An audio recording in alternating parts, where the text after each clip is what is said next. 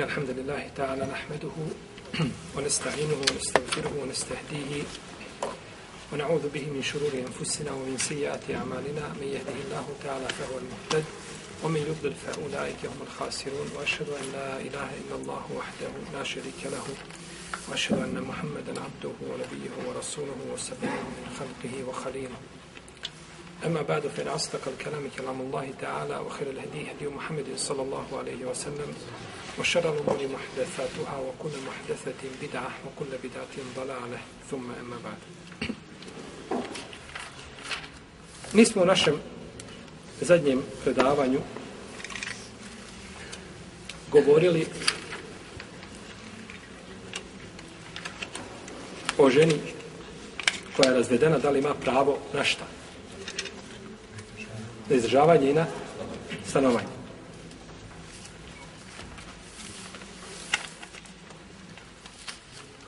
I došli smo do poglavlja žena koja je ostala bez supruga, a koju suprug preseli.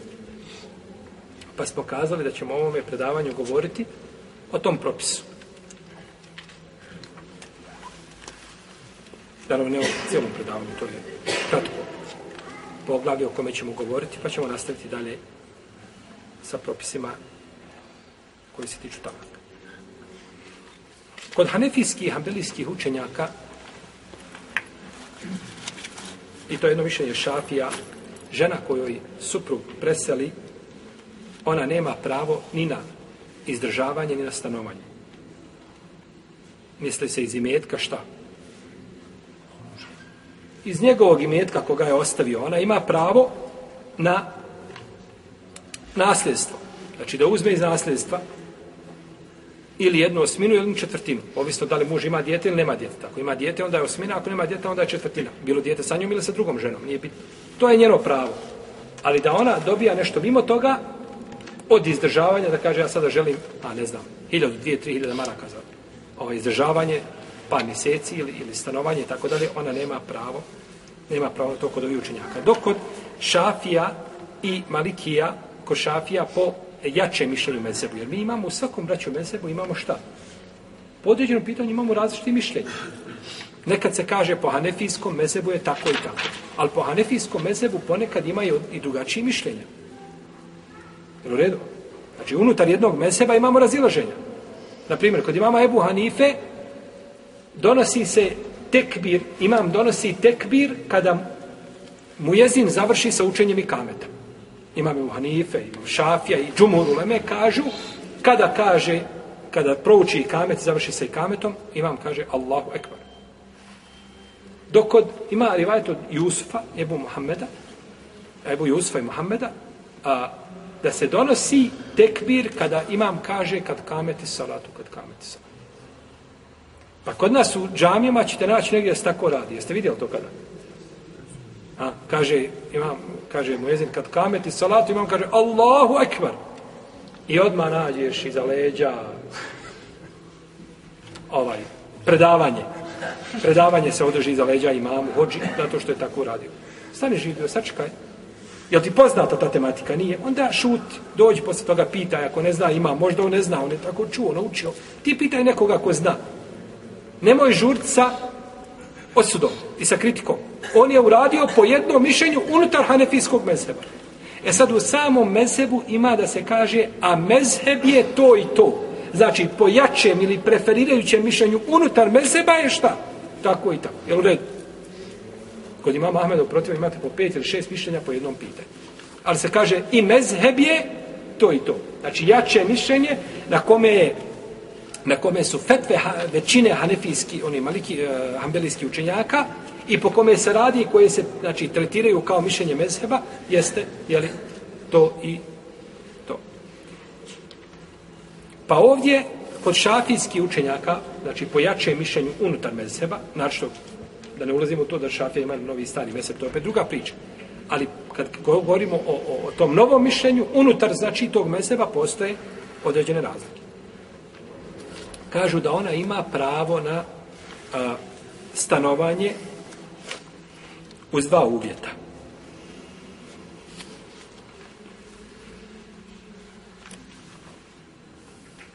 da je ona žena sa kojom je on imao intimni kontakt, znači da je nije ostavio, preselio šta? A ona, znači, ovaj, nije imala sa njim, znači, ovaj, nije priveo, nego samo se vjenčali i preselio. I druga stvar da je taj objekat u kome on živio, da je to njegovo vlasništvo. I mi smo spomenuli hadis Foreje, prije možda dva, tri predavanja, kada je njen muž izišao, kada su pobjegli robovi. Sjećate se? Pa jeste, pa su ga ubili. A,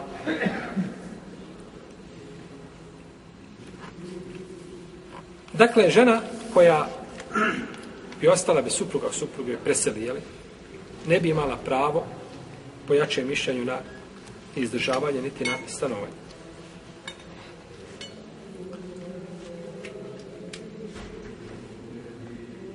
A ako je trudna,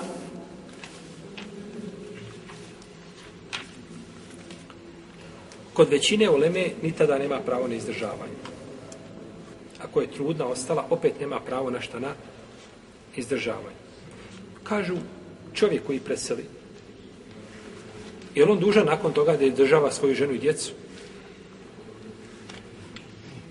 Nije dužan, gotovo. Pa kako će izdržati kad je preselio? Možemo iz kabura, doćemo kod kabura i moliti ga da, da nešto da. Tako. To je završeno. Mo, može se podijeliti njegovo šta? Njegovi meta koji ostavio se podijeli među nasljednicima. To je druga stvar. Ali izdržavanje prestaje tu. Pa kako je prestalo izdržavanje živog djeteta, tako je prestalo izdržavanje i žene i ovaj djeteta koje je šta? U utrobi majke. Koje je u utrobi, jel? majke, nego će dobiti znači ono što je pripada od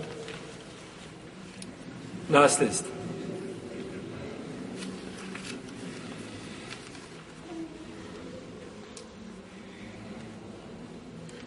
Pa ima znači pravo na šta na nasljedstvo. Znači uzme ono što je pripada iz njenog, njegovog imeta. Dobro. Mutatul mutallaka. Ili mutallakat. A ono što se daje kao nadoknada ženama koje su razvedene. Nadoknada. Ovo je nešto mimo mehra. Mehr je nešto posebno. Mehr je isplaćen davno, ona je već mehr potrošila, to je završeno. Iako kod nas većina ljudi kada je u pitanju mehr ovaj ili klacka ili ga nije ili veliki broj ljudi nije ga isplatila ili ga ne planira isplatiti nikada. Većina sklapa, on je to već nanijetio kada je sklapao, brašom je vezu da je ga nikada neće platiti. To je stari nijet pri njemu, da to nikad više neće dati. To je gotovo. I zato kaže, ovaj, koliko bi, kaže, koliko bi ja upisao? Kaže, piši koliko hoćeš. A bolje ti je što manje upišeš, lakše ćeš preboliti. Tako? To ti je pravilo, ne pisano. I zato se nađete u bračnih ugovora sa 7, 8, 10 kila zlata. 10 kila zlata, on i njegov babo i svi njegovi preci unazad 300 godina kada bi sakupili svoj metak, ne mogu to platiti, I kaže, piši 7 kila zlata. Nije problematično. Tako. To je znači, odmah si stavio sebi šta?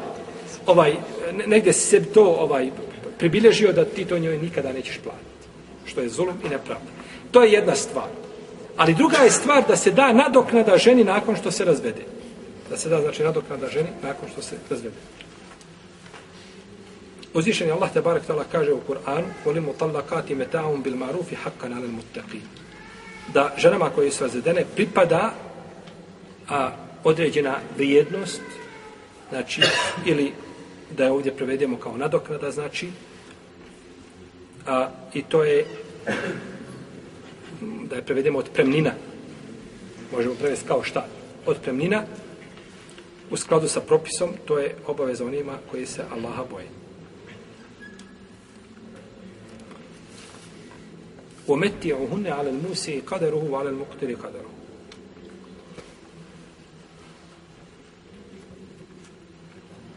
I veliko dušno i darujte po propisu shodno svojim mogućnostima. Pa kada je u pitanju ta otpremnina, islamski učenjaci imaju tri mišljenja. Da li se ženi daje otpremnina ili joj se ne daje otpremnina. Ili način davanja te otpremnine. Ovo je dodatni razlog da čovjek razmišlja šta? Kada razvodi ženu. Prvo mišljenje je treba sve jednoj ženi dati otpremninu. Znači sve jedna žena koja bude razvedena, treba joj šta? Dati otpremninu. I to se prenosi od Ali ibn Abi Taliba i od Hasana i od Sa'id ibn Džubeira i skupine učenjaka prvih generacija i Ebu Seura i Zahirijski učenjaka.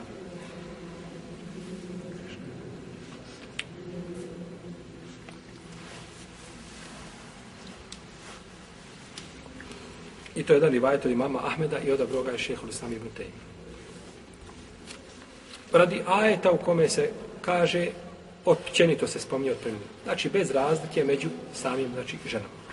Drugo mišljenje je da je to mustahab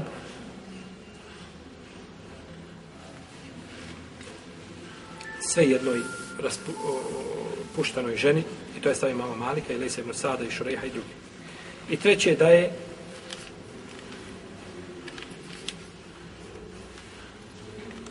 a, treba ga dati samo ženi kojoj nije određen mehr. Žena koja je a, nije određen mehr i nije imao sa njom intimni odnos, treba joj dati tu otpremninu. I to je stavio Buhanife i Ebu Jusfe, Muhammeda i Šafije, Ozaije i Ahmeda po drugom rivajtu i skupine učenjaka iz prvih i potojnih generacija. I oni to dokazuju rješima Ibn Omara, da Ibn Omar kazao svaka raspuštana žena ima pravo na otpremninu osim žene u, sa kojom čovjek nije imao odnos koje je e, propisan znači mehr. Ona ima pravo na pola mehr. Jer tako govorili smo da žena koja je puštena prije intimnog odnosa ima pravo, pravo na što? Na pola mehr. Bez obzira koliki je mehr da bio, hoćeš je pustiti prije, nakon bračne veze, hoćeš je pustiti, dužan se dati čega? Pola, pola mehr. Ovdje, po ajetu, ajet bi ukazao da je to obaveza. Znači da se da svakoj, znači ženi bez obzira ovaj kako da bilo, osim da ženi sa kojom čovjek nije imao intimni odnos, ne bi trebalo to preći pola mehera. Jer je to vrijedno, znači koje se daju mehru, pa ne trebalo kažu da preći tog pola mehra. U svakom slučaju, ono što su a, ono što su neki učenjaci današnjice odabrali jeste da, da je ovaj da je to a, mišljenje koje su prethodno spominjali mama Malika i drugi da je to mustahab. Mustahab, ali su postavili nekakve uvjete. Pa kažu mustahab je a, da nije ona uslovila taj razvod. Odnosno da ga nije ona izazvala. Da nije ona uzročila razvod. Ona, znači, nastoji da je muž zvede i onda još traži otpremninu.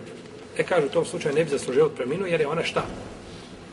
Ona je, znači, ovaj, bila ta koja je bila nepokojna. Za razliku od mehra.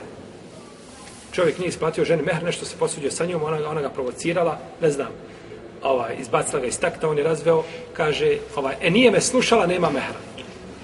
Što nije slušala? Kakve veze ima slušanje mehra? Mehr je nešto što si joj dao, dogovorio se pri sklapanju veze i to je njen hak zbog tvog, znači, ovaj, a, a, kontakta sa njom, u protivnom, nemaš ti pravo, znači, zadržati mehr pri sebi. Pa čovjek daje, šta joj daje, koliko je, to nije to šerijatski, znači određeno. Daje bogati shodno svojim mogućnostima, siromašni shodno svojim mogućnostima. I zato mi se, braćo, sviđaju ljudi koji, jedan eh, naš brat musliman je razveo ženu i nakon razvoda je kupio stan. Kaže, od mene imaš stan, ja ću ti kupiti stan. E, to je takva i bogobojaznost. Znači, nije nakon razvoda šta? Zaboravio sve i da kaže ništa, ne. Vola ten sol fadla bejne kome. Nemojte zaboraviti dobročinstvo među vama. Ljudi kada se razvedu, muž i žena postanu smrtni neprijatelji. To je pogrešno. Živjeli zajedno nisu mogli, razvedu se, ali od bogobojaznosti takve da je on znači nešto da, shodno svojim mogućnostima, bilo da je to, ne znam, imetak, da je to objekat, nekretnina nekakva, da je to odjeća, bilo šta, znači šta je može dati, s njegove strane, to nije šerijetski, znači regulisano. Nije određen, znači ta šta. Nego uzvišen je Allah zružilo ostavio to bogobojaznim, shodno njihovim mogućnostima, a i tvoja bogobojaznost najbolje znaš, znači ovaj, kada si ti na njenom mjestu, šta bi volio da dobiješ? E, to je isto daj. Jesi. Dobro. Mi smo došli do poglavlja braća Hula. Poglavlje hula.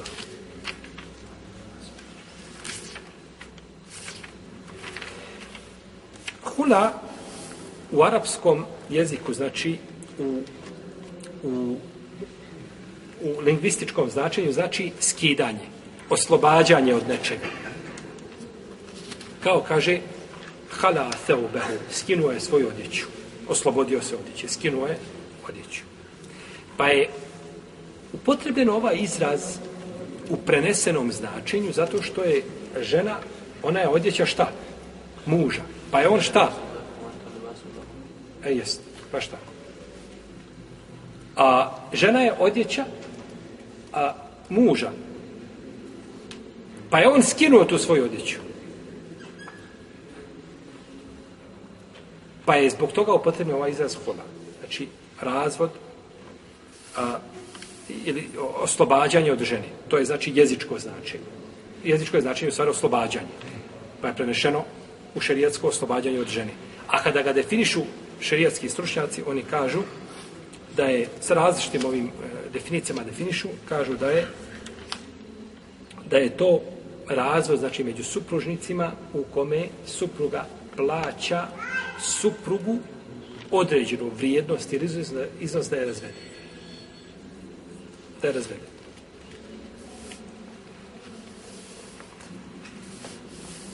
Kaže uzvišenje Allah te barak tala fe in khiftum ela yuqima hudud Allahi fela junaha alejhima fi meftadet bih. Kaže, a ako se bojite da neće uspostaviti Allahove granice, nema smetnje da se iskupi na onome jel, sudno čemu se dogovori, na onome, jel, kako se dogovori. I to su Allahove granice i nemojte ih prelaziti. Tilke hududullahi fela tate duha. Imate hadis od Sabita ibn Kajsa ibn Šemase da je došla njegova žena poslaniku salo Srbe i kazala Allahu poslaniče kaže ja nemam ništa protiv Sabita njegove vjere, njegovog huluka ali kaže bojim se kufra najprije da se ovdje mislio na kufr na, na negiranje dobročinstva nije kufr znači ovaj a, terminološkog jel, značenja a, koji izvodi čovjeka iz vjere nego se misli na kufr znači a, negiranja dobročinstva, odnosno da neće moći upotpuniti njegovo pravo kod nje. Pa se bojim toga da ne bi bilo odgovorna kod Allah Azuđel, kaže poslanik, sad hoćeš li mu vratiti vrt koji ti je dao, bašću koji ti je dao kao mehr, kaže hoću, pa je naredio mu da je razvede.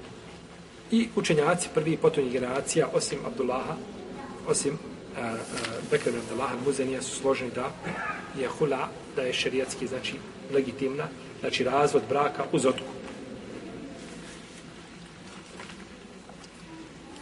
Šta je mudrost ovoga razvoda?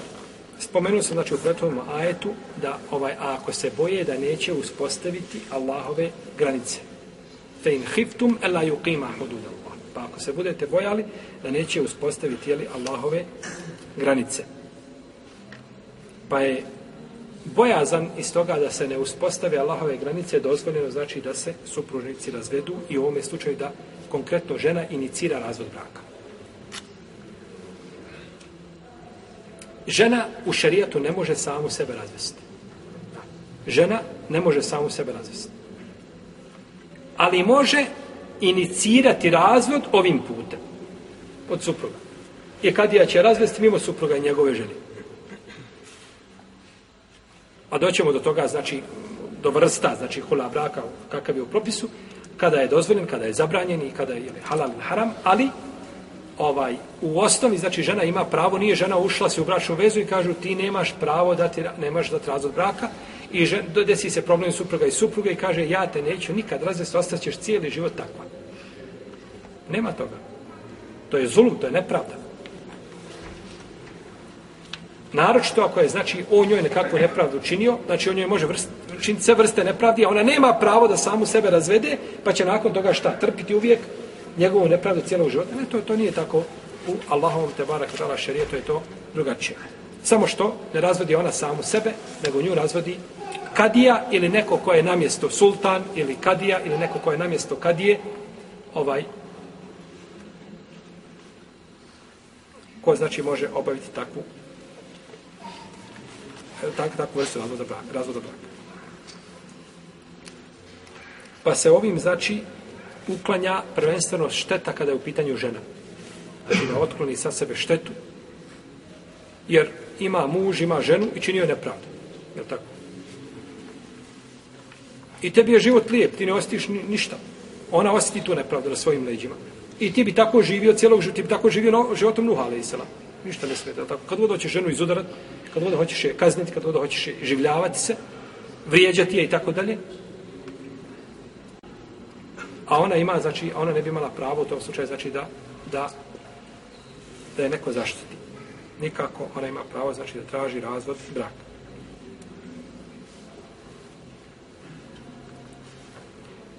Dobro.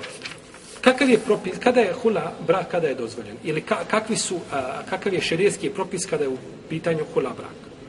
Može hula brak biti mubah, da je dozvoljen. Znači da je dozvoljen. To je kada žena zamrzi muža. Ne voli ga više. Ne znam. Možda kroz život on je svojim postupcima toliko znači ovaj ovaj omrznuo u njenom srcu da ga više ne može. Ne može ga više smisliti. Ne može ga vidjeti više. Njoj je mubah, znači dozvoljeno šerijatski da šta traži razvod braka, naročito ako ga mrzi i ako se boji da neće upotpuniti znači svoje pravo prema njemu, pa da mogla biti šta? Griješna. Da mogla biti, jer žena ako je u braku, ona mora biti ovaj, mora biti znači pokorna mužu. Ili ima pravo znači da traži razvod. A ne može biti u braku nepokorna. Danas se nazvao jedan brat i pita me, valjda ne znam, muže, psovao nešto vrijeđao ženi. I kaže, može li ona sad da njemu bude nepokorna zbog toga da ga kazni? Ne može. Ona ko to ponavlja, ona ima pravo da traži kola, da traži razvod braka. Jer to vrije, on kako je vrijeđao ovaj, njenu majku na način kako je vrijeđao, to razum ne može pojmiti, to je njegova majka. Samo što on to nije u to izdao još skopčo i stvario, pa ne zna da mu je to majka. Da mu ta žena trajni mahrem. Ovaj, ima pravo da traži. Ali ako odluči da ostane da živi sa njim, onda ga mora slušati. Ne može biti ti žena, ali sam ti neposlušan. Toga nema. Ja si žena i posluša, ja nisi žena. Treće opcije nema. Treće ne postoji. Pa je ženi mubah, znači dozvoljeno da traži ovaj u ovome slučaju, jeli, razvod braka. I prethodni hadis, je tako, nam o tome jasno govori hadis Ibn Abbasa, kada je žena Sabit ibn Kajsa došla poslaniku, kaže Allah poslanik, ne volim ga više. Pa je dozvolio šta na osnovu toga da traži, jeli, razvod, znači brak, ako ga prezira. E ovdje jedino, ako žena ne voli muža, ali osjeti da on nju voli i da želi da živi sa njom, e onda je njoj pohvalno da sabura. Da sabura. I zato što ovdje nisu, znači, dvije negativno na elektrisane strane. Kada suprug ne može smisla supruge, niti ona njega, tu nema života. To je nemoguće. To je nemoguće živjeti. To je, to je, to je, to je dunjalučki džehennem. Ali ako je jedna strana negativna, a druga pozitivna i daje pozitivne signale i žele da se nastavi život, može se nastaviti ako ova strana osabura. Pa je ženi, znači, pohvalno u tom slučaju da ostavi svoj hak i svoje pravo da nastavi živjeti sa suprugom, ovaj, zbog, jer kroz to bi, znači, možda mogla povratiti tu nekakvu ljubav ili poštovanje prema suprugu i slično tome zbog njegove pažnje prema njoj ili lijepog opuđenja.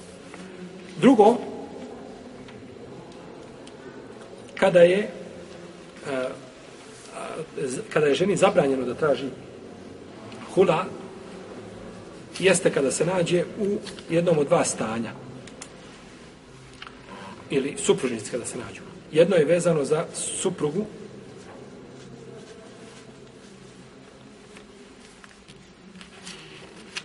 da traži od supruga razvod braka u ome, uz otkupinu ili da je pusti, a nema razloga nikakvog.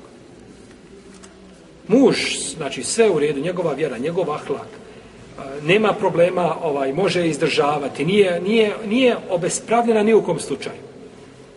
Nego je to nešto tako vidjela, prati puno serije ove gore evropske, svako drugi brak raspušten, pa i ona bi da se razvede. da ona vidi kako je to kad se razvede, kakav je to život, jeli, slobodne, slobodne žene, jel tako? To je nije ispravno. Imamo hadis koja god žena bude tražila od svoga supruga razvod braka bez opravdanja. Kaže, neće ostati miris dženneta. Neće ostati miris dženneta. Hadis koji je, znači, ovaj, velika prijetnja ženama koje traže razvod braka, znači bez, bez razloga. Kao što muslimanu nije lijepo i pohvalno da da razvod braka ženi bez razloga. Jer poslanik sam kaže, po palaku ha kesruha, a razvod braka je za nju lom. A slomiti muslimana nije lijepo, nije pohvalno, nije dozvoljeno. I imamo hadis koga prenosi Ebu Horeire u kome poslanik sa osrme kaže u kome poslanik sa kaže el muhtelijatu hunel munafiqat. Žene koje, koje traže hula, to su licemjerke, prave. Koje traže šta? Razvod braka, to su licemjerke. Koje traže hula brak, to razvod, one su šta? Licemjerke. Ovaj hadis da su žene koje traže uh, uh, hula razvod, da su licemjerke, njega prenosi Hasan el Basri od Ebu Hureyre, od poslanika sa. A veliko je razilaženje među učenjacima da li je Hasan el Basri čuo nešto od Ebu Horeire ili nije čuo. Jel Znači, Ulema se puno razilazi o tome. Ne po pitanju samo Hasan al Basri Ebu Horeire, nego po pitanju brojni, je li Katade čuo od, od, od, od Abdullaha ibn Serđisa, na primjer. Je li čuo ovaj tabin od ovoga? Je li... Pa se Ulema oko toga razilazi. Uveliko su se, znači, razišli da li je Hasan al Basri čuo od, a, od, Ebu, a, od Ebu Horeire, ispravno je da Hasan al Basri nije čuo od Ebu Horeire, da je to, da je to hadis daif u tom kontekstu. Iako je šeha Albani mu našao nove puteve kojim ga je pojačao, ali hadis ovaj kao hadis u ovome kontekstu koji je došao od Hasan al Basri od Ebu Horeire, ispravno je da Hasan al Basri šta nije čuo od, od Ebu. Kao hadis da se kaže da će doći vrijeme kada će svakog čovjeka za, malo zaprašiti bar prašina kamate. Ako ne kamate, onda prašina kamate. Hadis prenosi ga, bilježi ga imam Nesaija, prenosi ga Hasan al-Basri od Ebu Hureyre.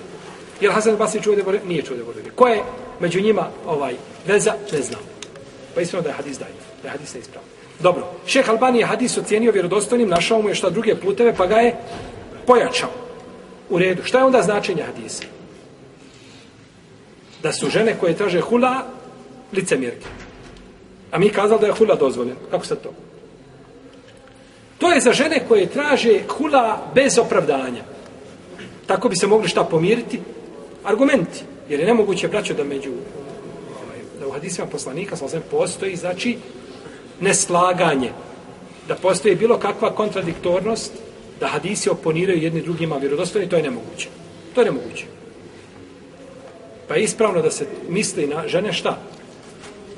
Koje traže hula bez čega? Bez opravdanja. I to odgovara savršeno prethodnom hadisu da takva neće ostati šta? Miris džennet. Takva neće ostati miris džennet. Jesu. Druga, druga situacija kada je hula zabranjen tiče se muža. Prva je, tiče se čega? Žene. Kada ona traži razvod, da je pusti uz otkupinu bez čega, bez ikakvog opravdanja. Imaju djecu, nemaju djecu, nije bitno, žive sretno i nema nikakvog opravdanja, nego je to jednostavno tako želi da, se, da ga se riješi.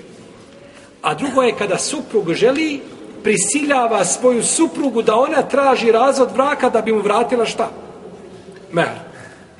Pa je došao, pa je prisiljava, prisiljava nekakve ovaj, ne da će, pa malo, malo pa je uvredi, pa Pa kaže, nemoj živio, kaže, ako te ne paše, traži razvod traži razvod. I prisiljava je da uzme šta svoj mehr nazad. To je isto zulum i nepravda. Ti hoćeš na silu, znači da uzmeš ono što si joj, što si joj, jeli, dao. Pa je to isto neispravno.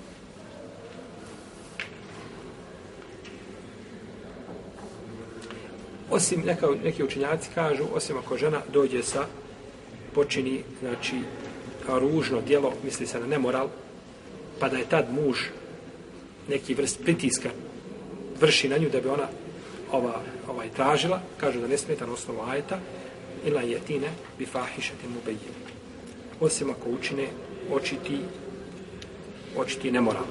Očiti, znači, grijeh nemorala, tada je to njima dozvoljeno, znači, da uzmu ono što su im šta dali, ili da traže da se one otkupe na osnovu toga.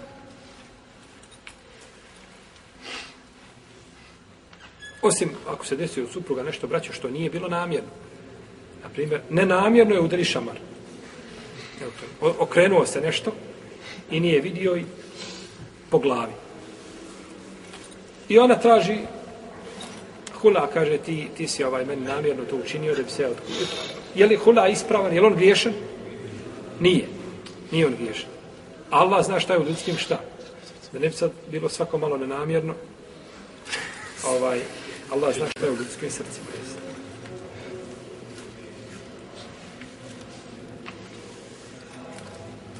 I kada je ženi mustahab, pohvalno, to je treća situacija.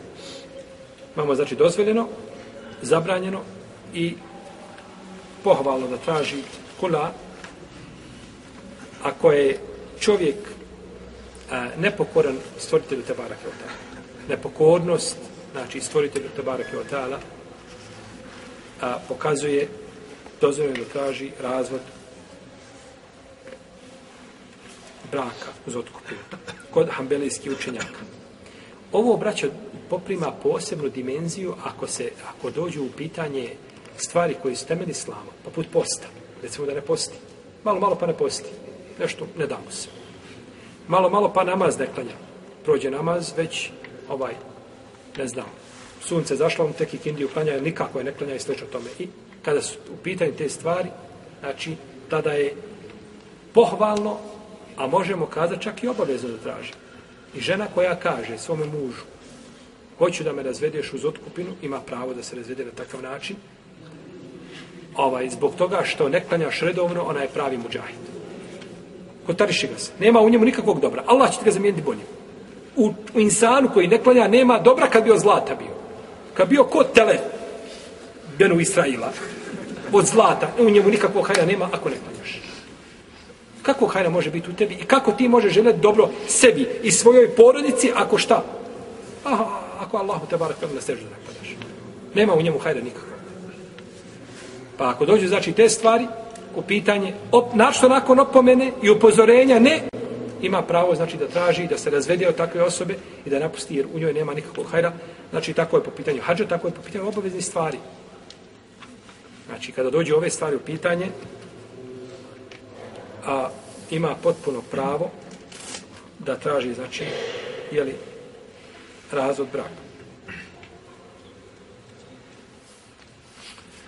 Isto tako, ne znam, čini druge velike grije. Krade. Krade. Očito je potvrđeno on krade. Donosi nekakve čudne stvari. Kući krade, mute nekakve posle. Drogira se. Napuši se tamo. Nargila, oni iz svega, isto čega. Dozvoje znači da straži da se kutariše takvog insana, jer znači u njemu nema. Pogledajte, braći, to što se kaže žena u islamu. Ja, pa žena u islamu ima veće pravo nego muž. To kad se gleda, ona ima veća prava nego muškarac. Ona nema pravo da ona lično sebe razvije, da kaže, evo danas više pušten si. Nema to pravo. Ali ona ima pravo, ima šerijatski put i način da dođe do svoga prava. I da se ne može učiniti nikoliko zrnog rušce nepravda.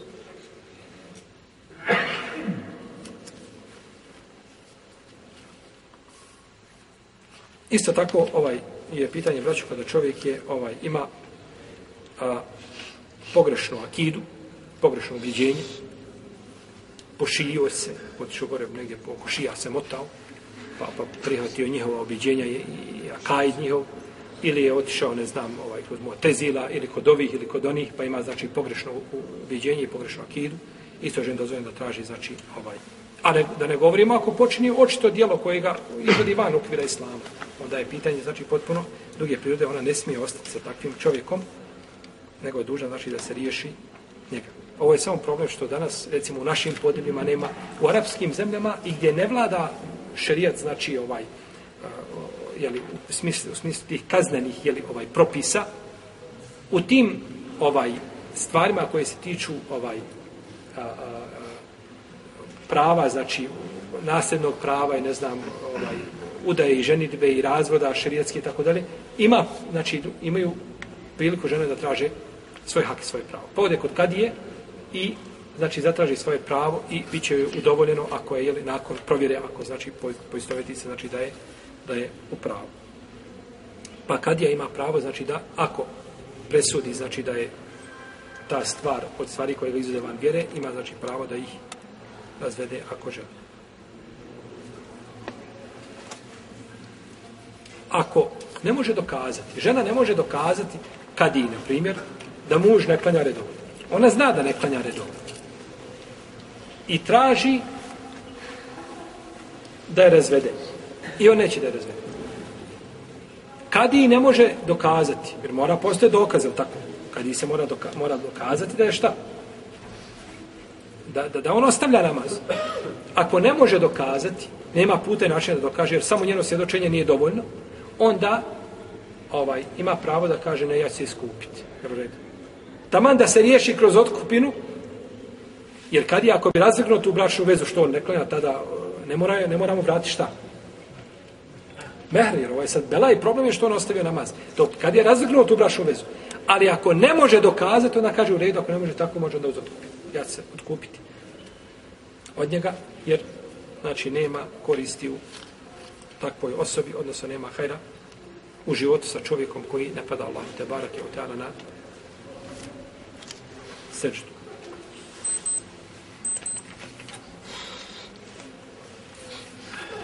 Subhanallah, ove braće stvari kad insan sluša kako je, kako je šarija to lijepo uskladio svim nevjernicima, ljudima koji nisu muslimani u osnovi, bira je čast i dika da žive po šarijetskim propisima.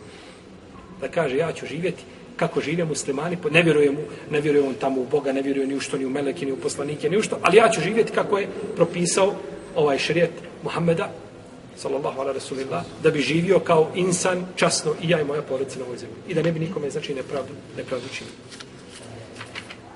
Dobro, mi, pošto je hula, ima, znači, ovaj, i drugi moment o kojima treba govoriti, pa ćemo mi, inša Allah, nastaviti o tome govoriti u našem narednom druženju. A naše naredno druženje će biti, ako Allah da, ako nas poživi, 20. novembra.